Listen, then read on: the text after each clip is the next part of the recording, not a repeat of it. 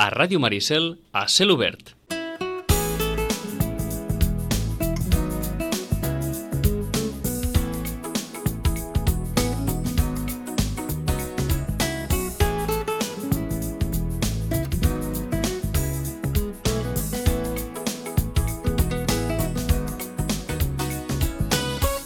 Com dèiem, això, a les 11 i 24 ens n'anem, a, com sempre, a conversar a aquesta conversa quinzenal amb la Rosana Lluc de Llorenç Llibre. Rosana, bon dia. Hola, molt bon dia. Suposo que fa la mateixa calor Vilanova que aquí, no? Sí, sí, sí, fa la mateixa calor. De fet, avui és eh, primer de juliol i avui ens hem trobat que al eh, suplement de cultures de La Vanguardia hi ha mil i unes recomanacions de lectures per l'estiu. Eh, ens explica que els diaris de viatges mostren maneres d'explorar el món eh, i una de les propostes estivals que fa aquest rotatiu que també doncs, eh, tria llibres moderns i també llibres antics per doncs, eh, una època que probablement és una de les que més eh, crida a la lectura, que és l'estiu, no, Rosana? Sí, de fet, sí, vaja, és allò que, no, que sempre diem a l'estiu, tots tenim una estoneta que ens agradaria doncs, estar allò, no? eh, ben asseguts, eh, a la fresqueta i, i, bueno, i amb el plaer de la lectura. Uh -huh. a, la, a, la, a la fresqueta o a la platja fins i tot. Sí, a la platja. Que molt. passa que a la platja, si t'hi fixes, llegim poc, eh? Sí, Sí, sí, jo sempre penso que, no? el llibre s'omple de sorra. Uh, sí, el llibre s'omple de sorra, ara hi ha llibres que es poden mullar, per tant hi ha una col·lecció del llibre de punto de lectura, Ah, sí? que són llibres que, que resisteixen l'aigua, és a dir, que no hi ha cap problema, es poden mullar, la sorra no ho diu, però vaja, la sorra les polses i ja està. Mm? Mm -hmm. I si no, doncs a veure, uh, també és allò que dius, bueno, escolta, uh, potser ens hauríem d'acostumar que hi ha llibres que, mira, si s'omplen de sorra i no els volem tenir a casa, també els podem posar així amb una pileta en un lloc i algú els aprofitarà. Però és clar, és que ens costa això, eh? Aquesta idea de portar-te un llibre de, de butxaca a la platja i després doncs, no fer-ne res i deixar-lo perquè un altre en gaudeixi, això encara no, no, ens costa tot. Sí, és una tradició més d'altres latituds, potser. Sí, sí, sí, exacte.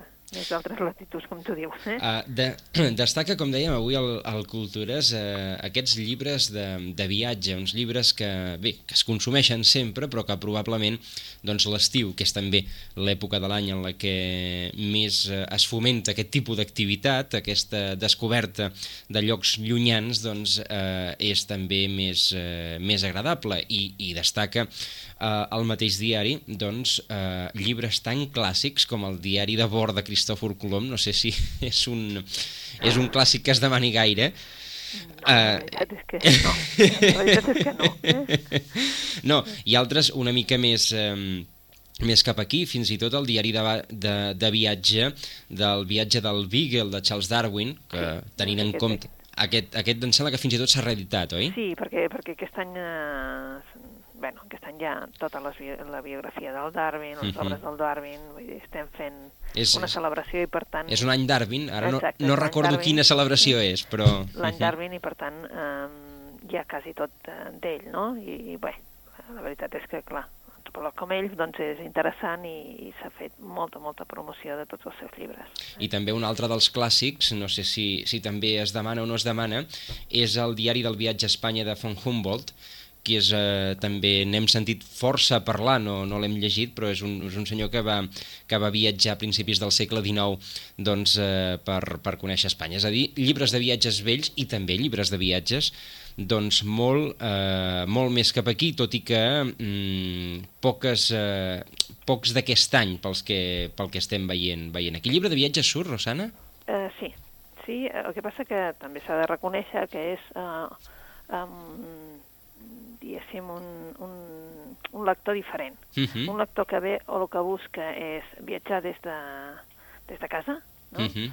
Uh, o també uh, també hi ha l'altre tipus de lector que el que busca és, um, si pensa anar a Xina, doncs, de dir, vale, ja, ja tinc una guia de Xina, però em voldria conèixer doncs, l'experiència d'algú que hi ha anat. Correcte. No? I Mhm. llavors, què, què més vol que buscar un llibre, saps, uh, sobre allà, d'algú uh -huh. que hi hagi anat, que hagi escrit sobre el llibre, etc. Clar, una, evidentment, un llibre de viatges no és una guia de viatges. No, no, no, no en absolut, en absolut. Eh, són les impressions normalment d'algú que hi ha anat, no?, uh, d'allò que li ha agradat més, o bé ens fa una història doncs, de, de, dels personatges que ha trobat. Eh? Uh -huh. Vull dir que és completament diferent.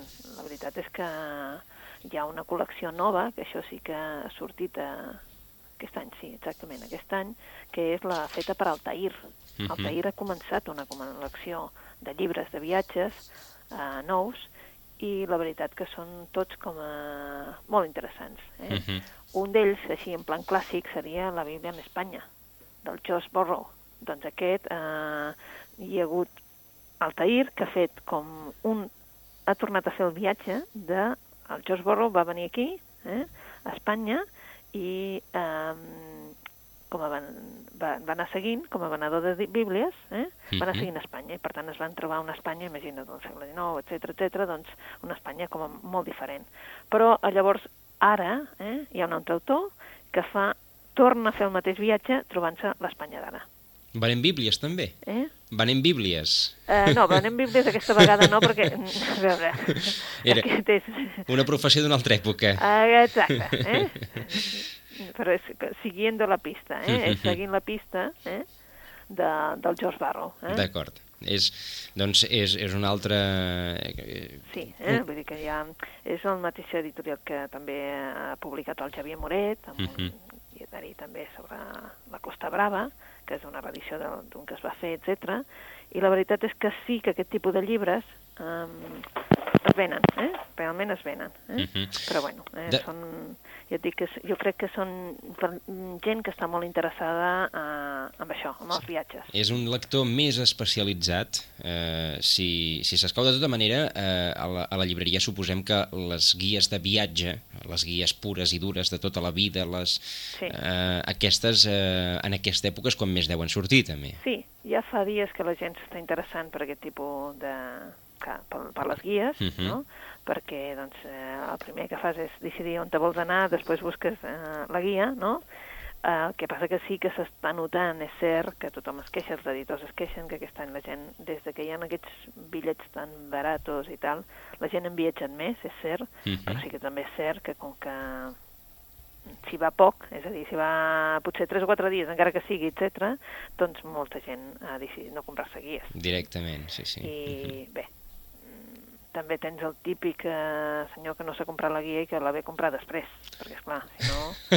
Eh, per llegir tot el que s'ha perdut. Sí, ben bé te n'adones que, esclar, malgrat que tinguis un guia allà, etc mm, per mi, vaja, jo no sé viatjar sense guia, també suposo que sóc jo, que no sé viatjar sense una guia a la mà, i clar, estàs acostumat a, a, a contrastar informacions diferents, no? Uh -huh. I clar, és el tipus, ara en aquests moments és la, la, la secció on te veus més gent aturada. No? D'acord. Clar, uh -huh. és una qüestió que no, no, no vas i agafes pom, pom, no, perquè molta gent estem acostumats a un, amb una editorial en concret, no? O sigui, això, la que sigui. Això anàvem a preguntar ara. Això eh, també hi ha, hi ha diverses editorials molt especialitzades en fer determinades guies i fins i tot guies de molta qualitat sí. i, i la gent, un cop s'acostuma al format que li ofereix aquella editorial, s'acostuma també a comprar els llibres d'aquella editorial. Sí, el que passa que una de les guies que surt més és, és la Lonely Planet, eh, uh -huh. un tipus de viatgers, no? Uh, un altre tipus, si t'agrada molt que hi hagi fotografies i tu doncs, ja saber el que vas a veure, són unes guies que són ja més visuals, i en això n'hi ha mm, una que és Aguilar, que és puntera en aquest sentit, uh -huh. també tens la, la Naia, i llavors sí que és cert que doncs ja, no?, que el públic es decanta per una o per una altra segons, eh?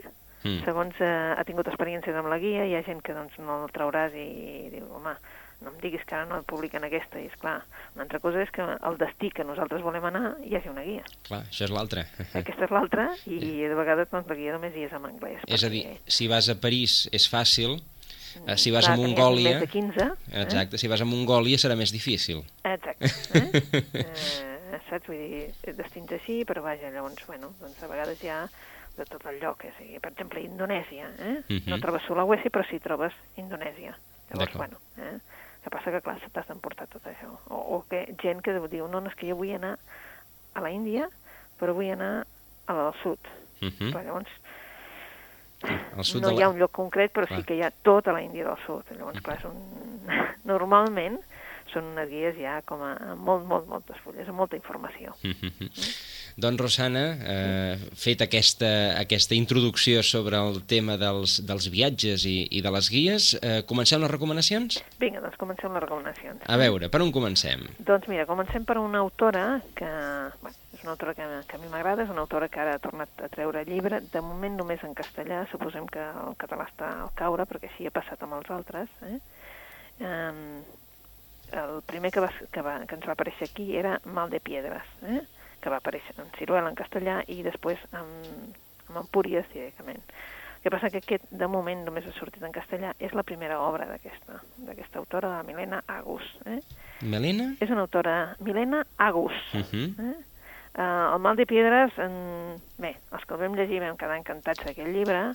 Ara hem de dir que pel públic que al setembre sortirà l'edició en butxaca, perquè ja està programat que surti l'edició en butxaca, llàstima que surt al setembre, però vaja.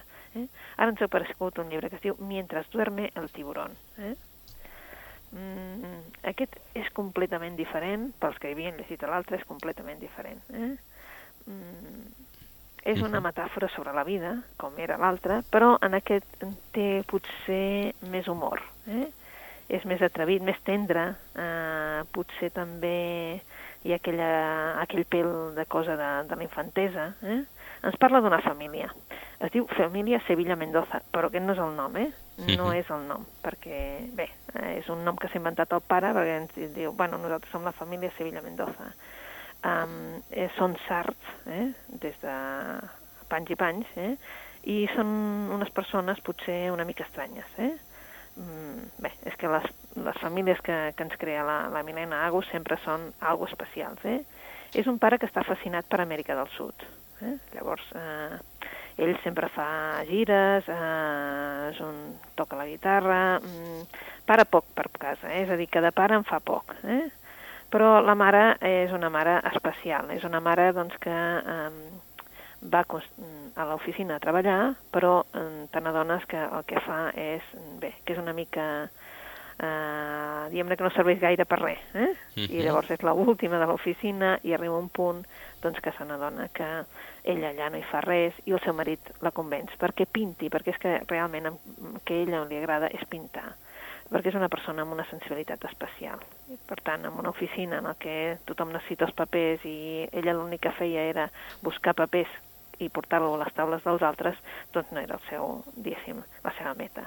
I ara el que fa és pintar, pintar la bellesa, perquè amb ella li sembla que obrir la finestra i veure ja eh, al capvespre, doncs és preciós i val la pena pintar-ho. També hi ha un noi, un noi que busca la perfecció en les partitures dels grans compositors. Però és que, esclar, a l'escola aquest noi d'èxit no en té cap. Per tant, és també un fracassat. Un fracassat en el sentit de que tots poden amb ell. Eh? I per tant, no és que s'ho passi bé. Eh? I quan veus que va cap a l'escola ja veus que va amb, amb tot el seu, el seu fracàs a sobre i la seva germana s'ho mira com amb distància però amb, amb també amb molt de carinyo. Mhm. També Sí. tenim una tieta, una tieta eh, que està obsessionada en trobar un nòvio. Eh? I la filla, la que ens relata la història. La filla, la filla és que està enamorada d'un home casat. Eh, un home casat que, en definitiva, mm, el que la vol amb ella és per, a, bé, en plan eròtic. Eh? Mhm. eh, està ple de perversions eròtiques i en aquesta família d'amor, amor, se'n parla molt. De sexe, també, de la mort, de Déu, el que mai se'n eh, acaben de, de decidir és si existeix o no. Eh, però també parlen de la vida, no? de com està atrapat dintre, eh, dintre de, la, de la boca d'un tauró. Eh? Mhm. És allò de que quan dorm, si hi ha sort, doncs te n'escapes. Però quan es desperta, tot canvia. Eh? Doncs, És una novel·la molt curteta, és Ahà. una novel·la que a mi m'ha encantat, té una ingenuïtat especial i Mhm. té una manera de riure que encara que t'estigui dient un drama, doncs tu hi fas un somriure. Mientras duerme el tiburón. De Milena Agus, una, sí, la crònica d'una família especial, podríem... sí, podríem. especial. doncs primera recomanació. Sí, segona, uh, si hi ha un temps que és per llegir novel·la policíaca, jo crec que és a l'estiu. A l'estiu, Mhm. doncs, tothom ens recomanem novel·la policíaca perquè és que és fàcil de llegir, és ràpida, uh, saps, allò, no has de pensar gaire i t'entreté moltíssim. Un dels autors que ja havia publicat RBA mm, és Denis Lehan. Denis Lehan és eh, un dels autors que jo us dic que va fer una obra que es deia Desaparició una noche, Shutter Island, Plegares de la noche, i sobretot, segurament el coneixeu més, perquè va fer una obra que després es va portar al cinema, Mystic River. Eh? Mhm. Bé, doncs ara es publica Un trago antes de la guerra, del Dennis Lehan. És en aquesta col·lecció de RBA que ha fet una sèrie negra i que ara ja comencem a tenir forces títols. Eh? Un trago antes de la guerra ens parla d'uns personatges, eh? del Patrick Kensi i l'Àngela Genaro. Són detectius privats i que reben un encàrrec, però un encàrrec que els pagaran molt bé. Eh? De fet, eh, massa bé per un treball mm, tan poca cosa. Es tracta de trobar amb una senyora de la neteja, una senyora negra, que s'han portat documents importants dels despatxos oficials de l'estat de Massachusetts. Eh? El, la Jenna Angeli, per això eh, semblava que hagués deixat rastre, però de cop i volta això es perd. Es perd entre les bandes dels carrers i la certesa de que no es tracta potser d'un simple robatori. Passa alguna més. A Boston, perseguir la veritat, de fet, és un mal negoci. Eh? Més encara si et persegueixen. Alhora, no només eh, les bandes, sinó els polítics desesperats, els policies corruptes, les pandilles criminals i sobretot un passat, un passat que vols oblidar. Mhm. El Patrick i l'Àngela no tenen més remei que la veritat és que enganxar-se l'un a l'altre i protegir-se les esquenes, perquè en alguns carrers de Boston l'esperança de sobreviure és de 4 o 5 minuts. Eh? És una novel·la d'aquelles de, de lle- llegir-la molt ràpida, de, de veure una mica més tot allò que moltes vegades hem vist en pel·lícules, no? i que, bé, com són de dures les carrers de segons quins llocs. Un trago antes de la guerra, de Dennis Lehan. de Dennis Dehan. Mhm. I si voleu una novel·la que acaba de sortir, una novel·la eròtica, perquè n'hi ha d'haver per tots els gustos, eh? tenim el Premi de Novel·la Eròtica en català, eh? que és de la Vall del Baida, eh? i que l'ha guanyat la Jo- Josefina Llaurador. Eh? Es Mhm. diu Desig de paraules. Eh? I en aquest desig de paraules eh? Eh, ens presenten uh, un matrimoni, un matrimoni jove, que s'acaben la Júlia i el seu marit, no? I ara se van cap a una torre, una torre familiar, eh, fa pocs mesos que ells s'han casat, i en, endreçant una mica doncs, aquesta casa, ella troba un llibre, un llibre d'amor, un llibre d'amor universal, el romanç de Tristany i Isolda. Llavors mm, decideix rellegir-lo i, és clar, li comença a agafar una mica de, de passió personal. Eh? Però, en definitiva, hi haurà un descobriment, un descobriment d'unes cartes antigues, eh? i el que desperta aquestes cartes seran els desitjos de la parella. Eh? De manera que, de mica en mica, es plantegen jocs eròtics, fantasies, i bé, hi ha tota una correspondència íntima escrita per la besàvia del marit que en definitiva fa que ells inicien doncs, aquest desig de paraules, eh? perquè en definitiva eh, estem buscant totes aquestes paraules de tendresa, de sensualitat, eh, tot aquest erotisme que de vegades tenen les paraules. Eh? Mhm. Per tant, ja us diem, depèn de quin us tenim, en tenim encara moltes altres, que no sé si ens dona temps de... Sí, sí, sí. Sí? Tenim temps per un, per un altre com a mínim? Doncs tenim temps per un altre com a mínim, i si vols per dos, fins i tot. Vinga, doncs. Doncs tenim, per exemple, aquells que els agradi eh, novel·la biogràfica, per dir-ho d'alguna manera, Mhm. una novel·la que, biogràfica que va sortir fa poc, que és el Luis García Montero, que ens escriu una obra que es diu Mañana no será lo que Dios quiera. Eh? Bé, um, es parla del poeta Ángel González. L'Àngel González va deixar una obra una obra poètica realment molt bona en llengua castellana, però també ell alhora va ser testimoni, testimoni d'un període doncs, de la història més recent d'Espanya, eh, la Guerra Civil. el Luis García Montero el que fa aquí és reconstruir, en aquesta obra, reconstruir el retrat del poeta i, de fet, recorre els primers anys d'aquesta vida mm, per rescatar la mirada d'un nen, un nen que va haver de créixer sense la, la figura paterna, però que per sort va tenir la força d'una darrere una família i una geografia que resistien a deixar-se vèncer. Eh? És una novel·la eh, que pretén ser testimoni, testimoni d'una realitat, eh? tota aquella de que serien els vençuts, per dir-ho d'alguna manera, però que està escrita també amb admiració, amb tendresa i amb la prosa que sap utilitzar el García Montero, que alhora també és poeta. Eh? Mm, Mañana no serà lo que Dios quiere és un homenatge, és un homenatge a una família, també als amics, als llibres, i també a tota aquella gent jove, aquella generació que amb el pas del temps, aquells que eren joves en aquell moment, que van aixecar l'esperit i que, eh, en definitiva, van transformar i serien poetes d'aquest país mm, durant el segle XX. I un dels poetes, també, en aquest cas, l'Àngel González, un dels poetes, eh, més laureats del moment. Uh -huh. Mañana no serà lo, lo que, que Dios quiera. quiera eh? uh -huh. La portada, un nen, per tant, sí que és la visió d'un nen, ja ho veiem, eh? un nen que ja es veu que és eh, doncs, preguerra civil, eh? Uh, saps, aquells pantalons, aquella gorra que li cau i mal vestit, evidentment, però vestit com l'època. La novel·la biogràfica de Luis García Montero. Exacte. I encara una altra, va, una, una darrera. Hmm. Una altra que em sembla que no hem recomanada encara, que és curiosa, és una autora de Sabadell, uh -huh. i en definitiva el, el títol és un títol preciós. Eh? Es diu Isola Vella. Isola Vella eh, està escrit per l'Anna Cruzafont, s'ha publicat a columna, i el curiós és que eh, una autora que no és coneguda ha aconseguit doncs, publicar-la alhora en castellà per Editorial Roca. Eh? Uh -huh. mm, aquí hi ha unes paraules que diu mai no és tard per trobar la mort. I potser és això, eh?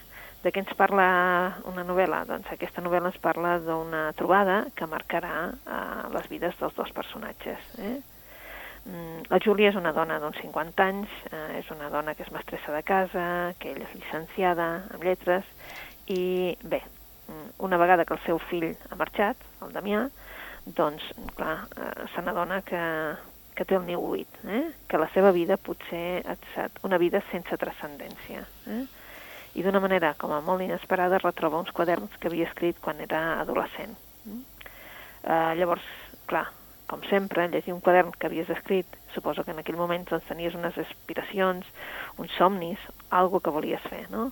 Llegir-los per ella suposarà ara un enfrontament amb el passat, que eren aquelles promeses, no? I un present, un present que amb ella li sembla que és molt decebedor. Eh?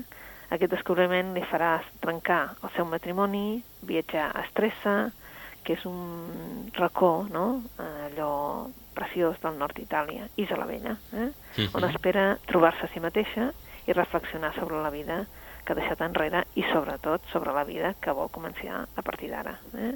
Però allà també es trobarà a un, una persona, un jove uh, madur, un madur, un atractiu madur, que és el Llorenç, que la veritat és que és un actor de teatre, que també passa una temporada allà, eh? En una casa silenciosa, una cosa també acollidora, perquè ell el que vol és escriure les seves experiències teatrals i també, alhora, curar les seves ferides del passat. Per tant, ens trobem amb dos personatges, en la seva cinquantena, dos personatges que estan intentant deixar un passat enrere i que voldrien formar, doncs, un futur, que volen, estan buscant un futur. Isola Vella, per aquells que vulguin una novel·la així com més tranquil·la. Uh, per tant, uh, podríem definir-ho com mai és tard per tornar a començar. Mai és tard per tornar a començar. Almenys uh -huh. això és el que ens diuen uh, els llibres. Eh? Uh -huh. eh? No sé si en tenim un més o... Sí, en tenim, bon... en tenim moltíssims. Eh? uh, com a mínim una recomanació. Vinga, va. De vegades diem que, i és cert, que la butxaca en català costa molt de que surtin llibres eh, no? Uh -huh. Que voldríem no hi són mai en butxaca, no? Uh -huh. Doncs s'ha de dedicar a la butxaca, l'editorial La Butxaca ha fet un llançament ara eh, per l'estiu en el que hi ha obres doncs, com la de la Najat, eh? la, la Najat El Ahmi, que uh -huh. va ser el Premi Sant Jordi de l'any passat, no d'aquest sinó de l'any passat, també Junts i Prou, que és una novel·la molt recomanable, també el del Mòquia, eh? perdona si et dic amor, però uh -huh. Us volíem parlar d'una altra butxaca. Edicions 1984, que li anem seguint la pista perquè és un editor independent i un editor que està publicant molt bé, eh?